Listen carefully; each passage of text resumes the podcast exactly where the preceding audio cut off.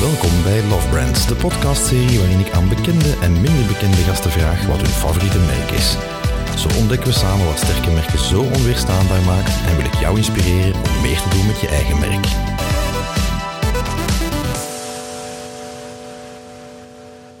Welkom beste luisteraar bij een uh, nieuwe aflevering van uh, Love Brands, uh, onze podcast over fijne merken en waarbij we aan mensen vragen waarom ze bepaalde merken leuk vinden. En ik zit hier bij een, een oude bekende. de luisteraars van onze Brand Breakfast podcast zullen hem al kennen, want daar is hij ook al eens te gast geweest. Ik zit bij Roel de Kelver. Roel is Director Communications en Stakeholder Management bij Deleuze. Uh, op zich ook al geen, geen, zou ik dat zeggen, geen onbekend merk. Mm-hmm. Ook al een behoorlijke love brand. Vervelend trouwens. Ja. Ehm, maar gelukkig heeft hij niet voor Deleuze gekozen. Ja. En de vraag is eigenlijk, Roel, ja, ten eerste welkom in de podcast. En ten tweede, ja, ik heb aan jou de vraag gesteld, net als aan onze andere gasten, wat is uw favoriete merk? Mm-hmm. En dan ben ik heel benieuwd naar jouw antwoord. Ja, wel, dankjewel om, om mij uit te nodigen. Ik vind het heel interessant om, om over branding en, en merken en imago-reputatie te praten. Een beetje mijn, mijn stokpaardje. En uh, ik hou er ook heel veel mee bezig uh, binnen de lijzen zelf. Mm. Uh, dat is mijn professionele love brand. Natuurlijk, ja. Waar ik mij al twaalf jaar voor, voor inzet. Het zou maar erg zijn als dat niet zo was, natuurlijk. Ja, ik zou het niet durven beweren, maar ik vind wel... Het is ook mijn, mijn hart en ziel dat ik er al twaalf jaar voor dat merk werk. Dat wil ook wel wat zeggen, die, die loyaliteit. omdat ik er ook ik voel me daar goed bij bij dat merk. En het, het, merk dat ik vandaag heb gekozen, waar ik, waar ik uh, over wil praten, is, is Patagonia. Alright. Patagonia is een, is een kledingmerk, is eigenlijk meer een ja, sport-lifestyle merk. Mm. Um, omdat, ja, dat is gewoon een, een, een, een, merk voor mij dat enorm tot de verbeelding spreekt. Okay. Het, het, parcours dat ze hebben afgelegd, de storytelling, de waarden, uh, de durf, de moed, de transparantie. Ik vind, uh, al ja, het is, ik kan er echt met heel veel emotie en heel veel passie over praten, omdat ik echt ook enorm inspirerend vind, en je zult wel zelf ook zien in, het gesprek dat we gaan hebben, is dat het ja, voor mij het toonvoorbeeld is van waar dat we als mm. maatschappij uh, eigenlijk naartoe kunnen gaan. Ja, het is het, uh, het ultieme purpose-driven brand eigenlijk. Hè? Als je het zo uh, als je ja. het leest, als je er, als je naar kijkt naar merk, terwijl het eigenlijk ja, bergbeklimmerskledij is oorspronkelijk. Ja. Um, van waar denk jij, de, de, de, de, de, is die evolutie gekomen? Ligt dat puur aan de oprichter, waar we het nog over gaan hebben? Of, uh? Ja, ik denk wel inderdaad, de oprichter, CEO, die, die nu wat, wat meer tijd uh, voor zichzelf neemt, mm. die, uh, die, dat is echt wel de drijvende kracht achter dat merk. En wat, wat leuk aan is, zoals je zegt, hij is inderdaad als bergbeklimmer begonnen. Hij is op zijn eigen gaan kijken van hoe kan ik bergklimmateriaal mm. efficiënter maken, ook duurzamer maken. Ik denk de kracht van hem en van het hele bedrijf is dat ze zich heel vaak ook terug in twijfel trekken. En, okay. en, en, zien van, kijk, oké, okay, we staan als bedrijf nu hier, maar we zien toch dat bepaalde zaken beter kunnen of dat we ze anders moeten doen. Hmm. En echt wel altijd een stapje verder willen gaan als pionier binnen een bepaald domein. En dat vind ik wel, uh, wel heel cool. Ja, misschien even schetsen, hè, voor zij die het merk uh, niet kennen. Dus het is inderdaad outdoor uh, en sportkledij. Het komt uit de, de bergbeklimmerij. Um, opgericht in 1973 door, ik hoop dat ik het juist uitspreek, Yvonne Chouinard.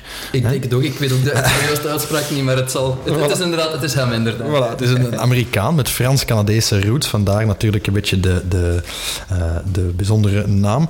Um, straffe gast eigenlijk in zijn actieve carrière omdat hij vooral klims deed die anderen niet zo aandurfden. Deed dat dan zonder touwen. Uh, hij probeerde routes die anderen nog niet geprobeerd hadden om bepaalde uh, summits te bereiken. Ja. En naar ik heb begrepen legde die, die Yvonne uh, ook mee de basis voor de stijl van het moderne klimmen. Hè. Mm -hmm. En daaruit komt dan inderdaad de nood van ja, dat materiaal dat volstaat eigenlijk niet. En in 1957 al kocht hem een tweedehandse smeedoven. Ja. En is hem begonnen van die klimijzers uh, te maken. En daar is al de eerste purpose, want hij, hij, ontdekt dat zijn ijzers wel beter waren om mee te klimmen. Omdat die ook wel meer schade achterlieten eigenlijk op de, ja, de locaties waar, waar ze gingen klimmen. Um, en dus hij zei, ja, dat blijven perfectioneren met respect voor de omgeving waarin dan geklommen moest worden en zo verder. Dus toch wel straf. Ja. Uh, dat eerste bedrijfje um, heeft een hobbelig parcours achter de rug. Het is in 1989 trouwens ook failliet verklaard. Ja. Overgenomen door voor werknemers bestaat nog altijd, maar uh, is hij niet meer bij betrokken. Maar dus wel uh, nog altijd eigenaar van dat sport- en kledijmerk eigenlijk. Ja. Hè, dus de Patagonia, genoemd naar de bergketen in Zuid-Amerika. Mag ik misschien vragen, Roel, hoe ben jij daar in, als eerste mee in contact gekomen? Want je zit hier tegenover mij met een pul van Patagonia aan. Toevallig beweer je, dat zou kunnen. Ja, ik ben ook niet gesponsord of zo. Dus, nee, nog niet, nog, nog niet. inderdaad, ja, kan misschien wel. Maar van waar de, de initiële fascinatie? Hoe heb je het ontdekt, het merk? Wel, um, wij zijn als gezin eigenlijk, mijn vrouw en, en twee kindjes, zijn wij eigenlijk amateursurfers. Uh, golfsurfen.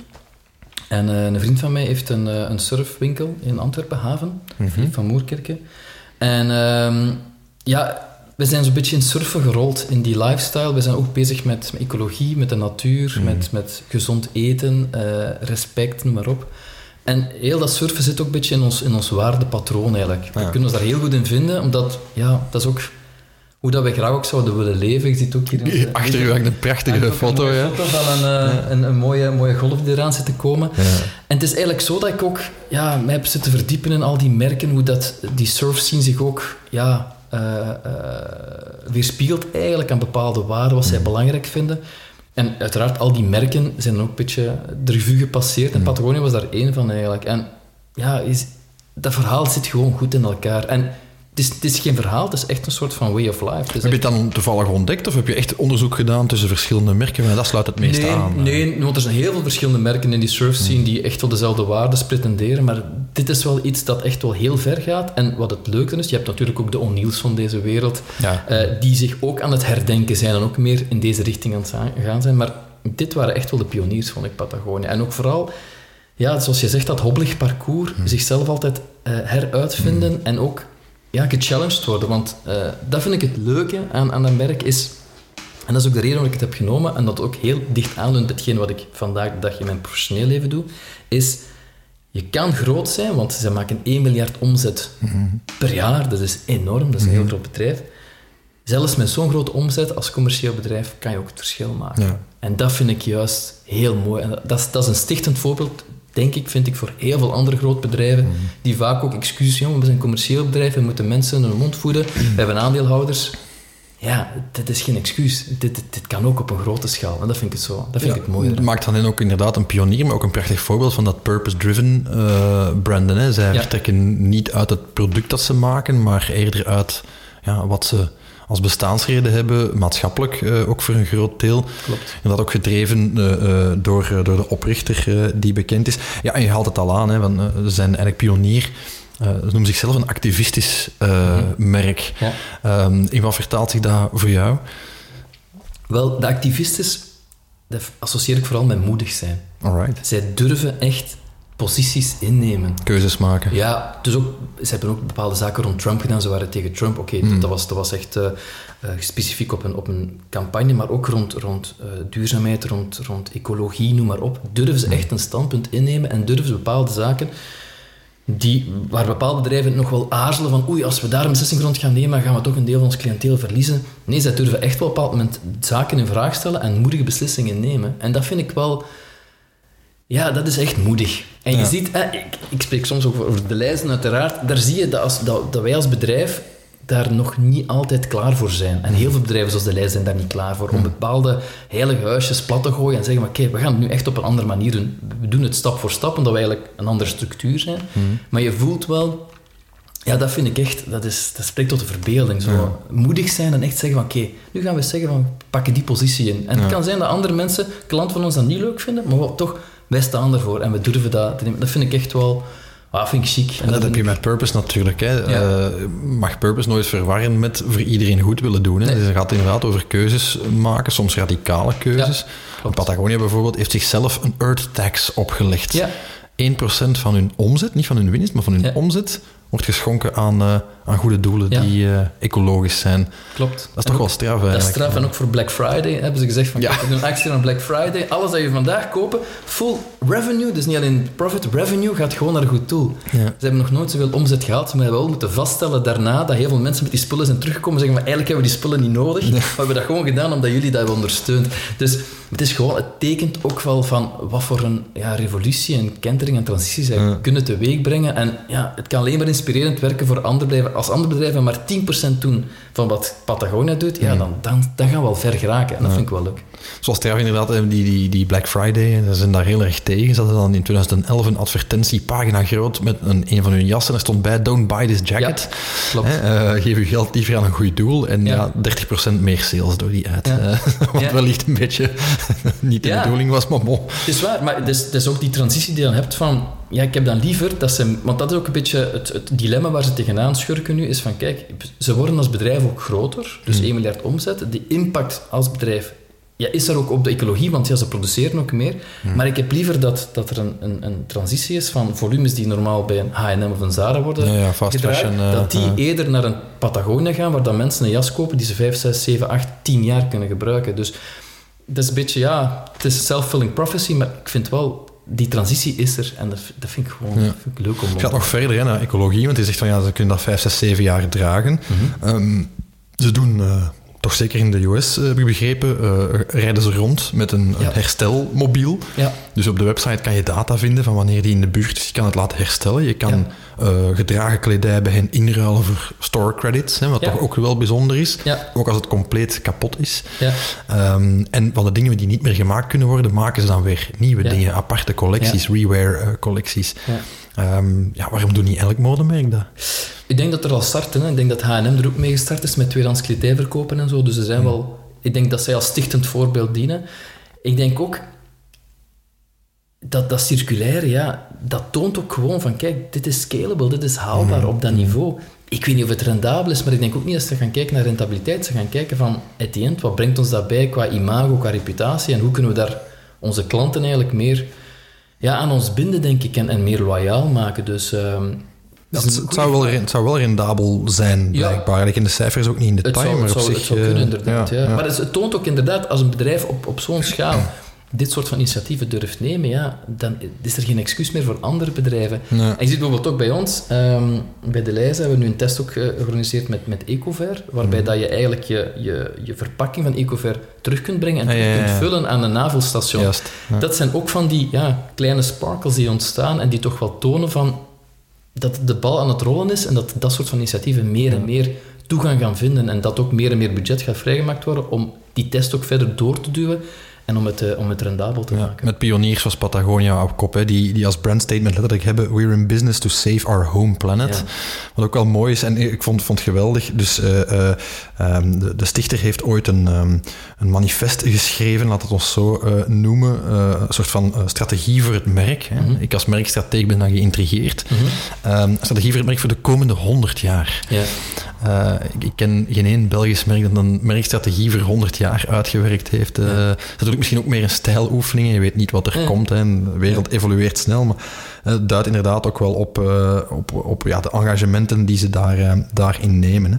Klopt. we hebben het al gehad over die Earth Tags bijvoorbeeld. Hè. Mhm. Ze gebruiken ook enkel organisch en milieuvriendelijk materiaal. Ja. Ja. Ook niet onbelangrijk. Hè, doen die herstellingen en dergelijke meer, dat circulaire.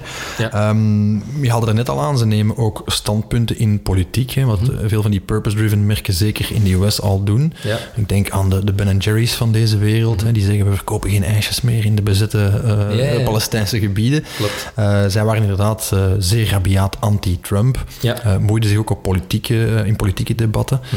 En sponsoren, heb ik gelezen, een initiatief om zwarte kiezers aan te zetten om te gaan stemmen. Ja. Black Votes Matter. Ja. Uh, in de na-WN, laten we het zo noemen, van de BLM-movement.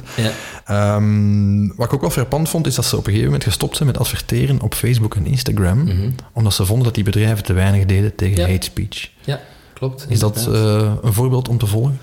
Goh, een voorbeeld om te volgen. Um, ik denk, dat is natuurlijk, dit is een Amerikaans bedrijf. Ik denk Mhm. dat je daar echt meer uh, ja, moedige beslissingen kunt plaatsen. Dat is een andere cultuur.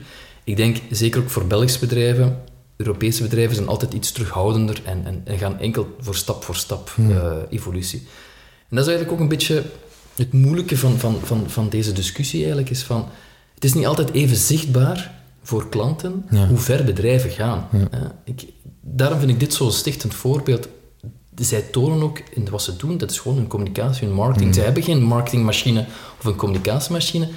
Wat ze doen is hun communicatie. Ja, ja. het spreekt voor zich de beleving. Ja, en, en de, klopt, inderdaad. En ik pak het voorbeeld van de lijst, maar ook andere bedrijven, wij gaan altijd stap voor stap. En, en alle beetjes helpen uiteraard. Maar het is niet altijd even zichtbaar. Maar is dat cultuur? Hoe komt dat dan? Eh, is, is, dat, is dat dan de Vlaamse angst om... om dat denk ik wel. Eh, ik denk het wel. Een angst voor aandeelhouders of voor consumenten eerder? Uh. Ik denk voor beide. Uh, we zien ook in innovaties die we lanceren. het voorbeeld dat ik, dat ik altijd geef is, is producten op basis van insecten. Insectentappen aan. Ze hebben vijf, zes jaar geleden gelanceerd. Dat hebben we na een half jaar uit de rek moeten halen. Omdat je voelt dat de klant daar nog niet klaar voor is. Mm het gaat altijd zeer gradueel bij ons. Je moet die klant eigenlijk bij de hand nemen en dan meenemen in een verhaal en stap voor stap zich laten aanpassen aan, een nieuwe situatie, een nieuwe, ja, nieuwe realiteit. Is dat naar jouw gevoel in andere landen misschien bruter of sneller, ja, die dingen? Zeker. Ik denk uh, de States vooral. Uh, ik denk zelfs in de ons omringende landen, Nederland, Nederland bijvoorbeeld, is daar veel, veel, veel sterker. Het heeft ook te maken met die cultuur. Zij staan mm. daar ook veel meer, meer open. Wij zijn iets terughoudender. Conservatiever misschien ook. Ja, maar wij zijn gewoon ook ik denk dat onze bevolking, zien ook gewoon ons cliënteel, is... Verandering is altijd zeer moeilijk voor een klant. Mm, hè. Mm. De gewoontes aanpassen, uh, die, die structuur, die, die, die controle een beetje loslaten en verliezen, is niet altijd evident voor een, voor een, een Belgische consument. En, en daar moeten we gewoon ook mee rekening houden met de zaken die we lanceren. Het voorbeeld van, van, van Patagonia kan enkel maar stichtend zijn, maar je moet wel zien dat je de, de pace of de frequentie hoe dat je zaken gaat aanpassen, dat die niet te disruptief is. Dat die realistisch is eigenlijk. Ja, klopt, want het kan een klant ook een beetje... Ja, uh, verliezen daarin, doordat hij zoiets heeft van, ja, dit gaat allemaal veel te snel voor mij. Dus uh, daar moet je ook wel heel, ja, echt wel goed op letten, denk ik. Ja, klanten, maar ook intern, hè, want ik neem aan, als je zodanig purpose-driven bent, zoals een Patagonia, ja, dat vereist ook een X, eh, een, een bepaalde type profiel uh, dat je aantrekt, hè, neem ik aan. Ja, niet dat, iedereen, is, dat is waar. En dat zie je ook wel in, de, in de, de huidige generatie van medewerkers die binnenkomen in het bedrijf. Zie je wel dat die mindset effectief aan het veranderen. Hmm. Wij zijn hem intern ook aan het veranderen, omdat we ook voelen als bedrijf, ja, zeker als voedingsbedrijf, moet je je wel aanpassen of moet je wel een antwoord kunnen bieden aan de, de actuele uh, uitdagingen. Maar je ziet wel die instroom van, van nieuwe generatie van mensen, die zitten ook met... Ja, ik geef het voorbeeld van een, een bedrijfswagen. Kaderleden die binnenkomen bij de lijzen, die krijgen... In het pakket zit er een bedrijfswagen. Mhm. Er zijn heel veel mensen die zeggen, ik heb die bedrijfswagen niet nodig, mm ik moet je hebben. Ja, maar je krijgt gewoon een bedrijfswagen, zeg dan. Nee, nee, ik moet die niet hebben. Zeg, mm. één, er is geen parkeerplaats, want ik woon in de stad, ik doe alles met de fiets of het openbaar vervoer.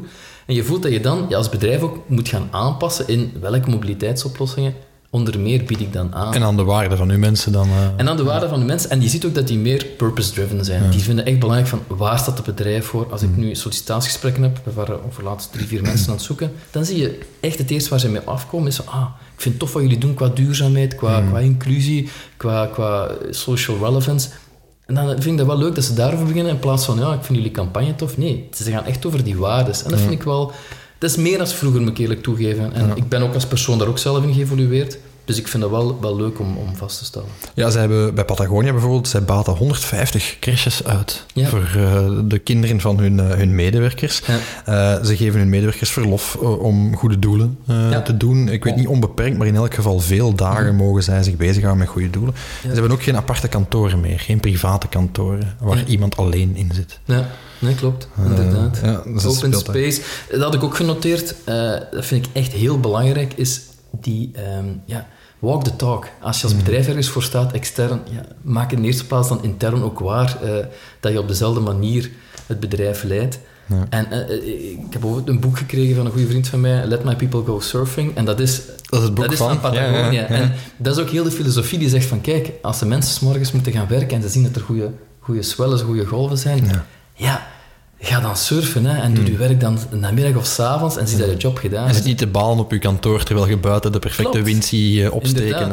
En, en dan zie je ook wel, die, die mindset is ook bij, in België ook bij de lijst aan het veranderen. En zeker ook met, met, met COVID, hè, met het thuiswerken. zie je ook wel dat die, die verantwoordelijkheid en de vertrouwen in de hmm. medewerkers, dat ook aan het veranderen is. Dat mensen ook hebben gezien, ja oké, mensen hebben twee jaar thuisgewerkt bij wijze van spreken het werk werd ook gedaan, zelfs mm. misschien soms nog beter. Dus mm. die hybride manier van werken, het vertrouwen geven aan je personeel en geloven in je personeel op een authentieke manier, dat, klinkt, dat is misschien wel hol en, en zeer generiek, maar ja, daar staat of valt alles wel bij. En dan voel je ook wel dat, dat de maatschappij daar ook naar aan het evolueren is. Dus dat is wel uh, mooi om vast te stellen. Die maatschappij evolueert, als maar meer merken evolueren, hè, zetten meer in op hun purpose.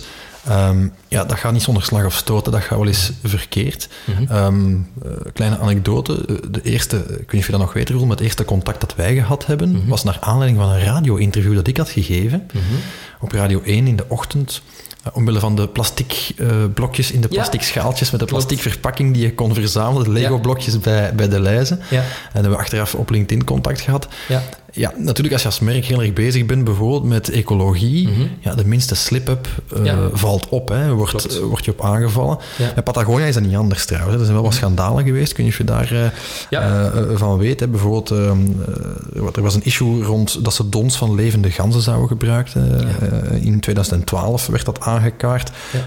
Wol van levende schapen, die niet keurig ge- geoogst werden, als ik dat zo mag noemen, of, of geharvest. Eh, recent nog, december 2021, hè, dus recent, een paar maanden geleden, ehm, is er een EU-onderzoek tegen verschillende merken, waaronder Patagonia, eh, gevoerd en over is lopende, een rechtszaak. ehm, omdat ze betrokken zouden zijn bij het, bij het, eh, indirect bij het uitbuiten van de Oeigoeren in China. Ja. Ja. Als je heel erg purpose-driven bent, Ja. ja, dan is het risico ook wel heel erg groot dat je in dat soort dingen imago-schade oploopt. Ik zou, dat niet, ik zou dat geen imagoschade noemen. Als dat recurrent is en structureel is en dat het echt moedwillig is, dan, is dat- dan leeft dat imagoschade. Maar ik denk dat de, de, de diehard klant van Patagonia, die het merk kent, en het brede publiek ook, wel zal ook moeten toegeven, als je inderdaad wat, eh, daar intelligent over nadenkt, van is dat niks onfeilbaar is en niks is waterdicht. Hè? Patagonia is een zeer groot merk dat ja, producten of, of, of ingrediënten of grondstoffen source van over heel de wereld. Je kan niet, niet gaan elke bijstaan, chain- je kan niet bij elke boer gaan kijken, net zoals wij niet bij elke boer kunnen gaan kijken van behandel die zijn beesten goed. Wij gaan ervan uit, via policies, via afspraken, van dat dat wel gebeurt. Maar er kunnen inderdaad inbreuken zijn. Maar dan is het als merk, eh, vooral dan, hè, je, je, je, je nam het ook aan, het voorbeeld van bij onze Lego-blokjes.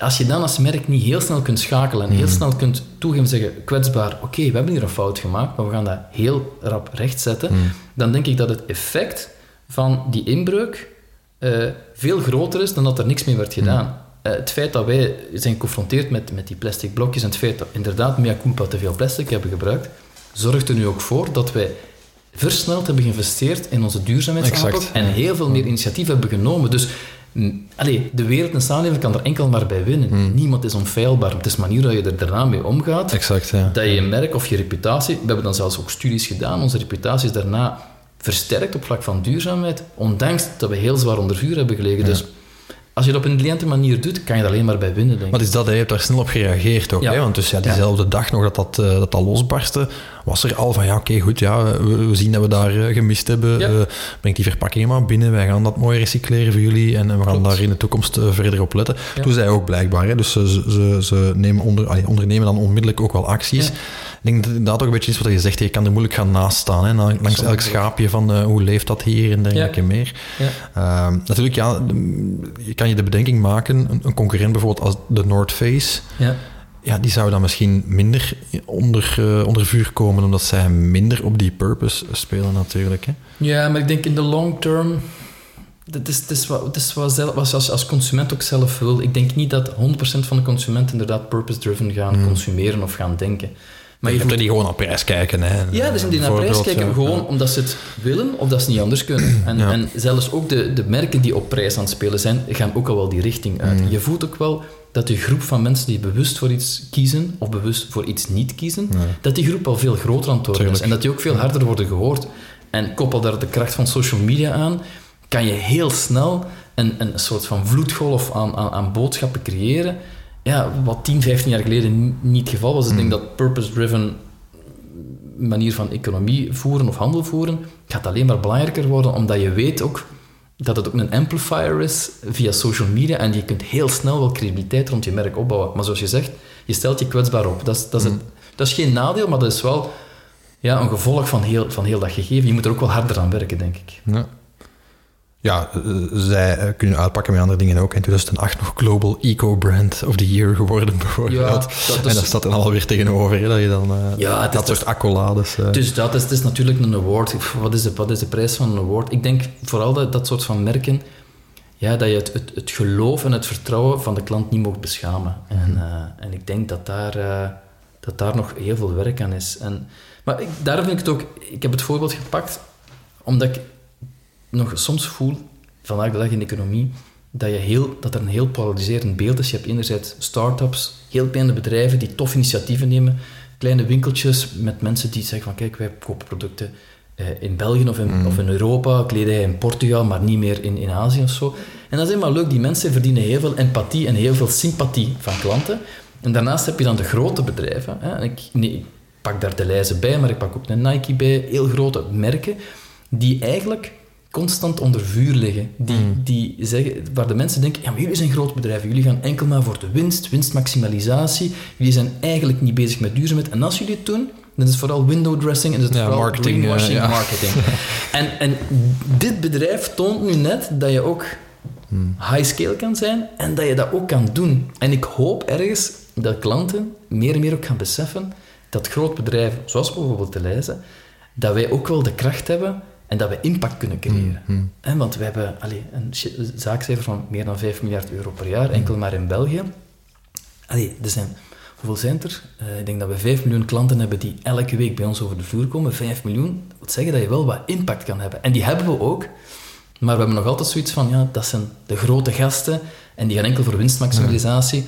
We zijn een commercieel bedrijf. Dat is perceptie. Ja, dat is perceptie. Ja, ja. Maar je- we werken er wel elke dag aan om...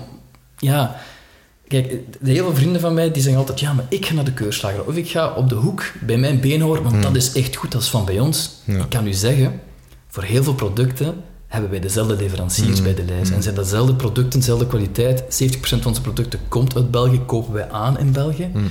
Maar je hebt nog altijd iets van de grote bedrijven, hebben nog altijd een aura over zich van... Ja, dat zijn de boosdoeners. Ja, het zal een fabriek zijn met Ja, inderdaad. negatieve connotaties. Klopt, klopt. ja, en het ja. voorbeeld van Patagonia vind ik dan echt stichtend. Is van, kijk, hè, je kunt ook groot zijn, maar je kunt ook wat verschil maken en authentiek zijn op een grote schaal. En, en ik hoop dat, daar, dat mensen dat ook meer beginnen in te zien en dat grote bedrijven zich ook daar meer op inzetten om dat ook groter te maken.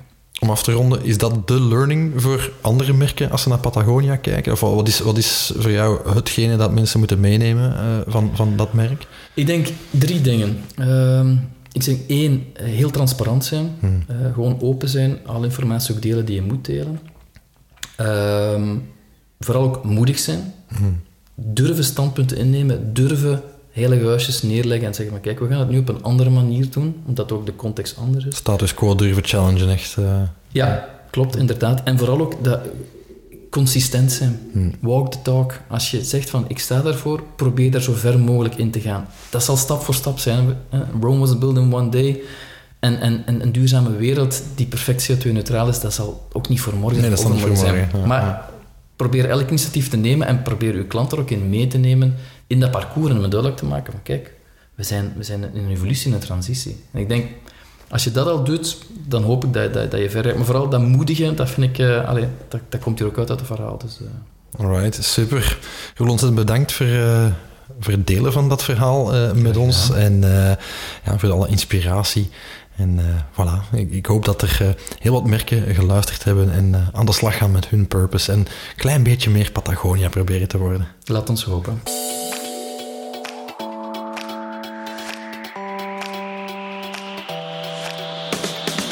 Dit was Love Brands voor deze aflevering. Bedankt voor het luisteren. Vergeet je zeker niet te abonneren of alle andere afleveringen te ontdekken via stefferbeek.be slash lovebrands. Wil je van je eigen merk ook een echte love brand maken? Neem dan zeker eens contact op met mij en mijn collega's via pavlov.be. We bekijken graag hoe we kunnen helpen.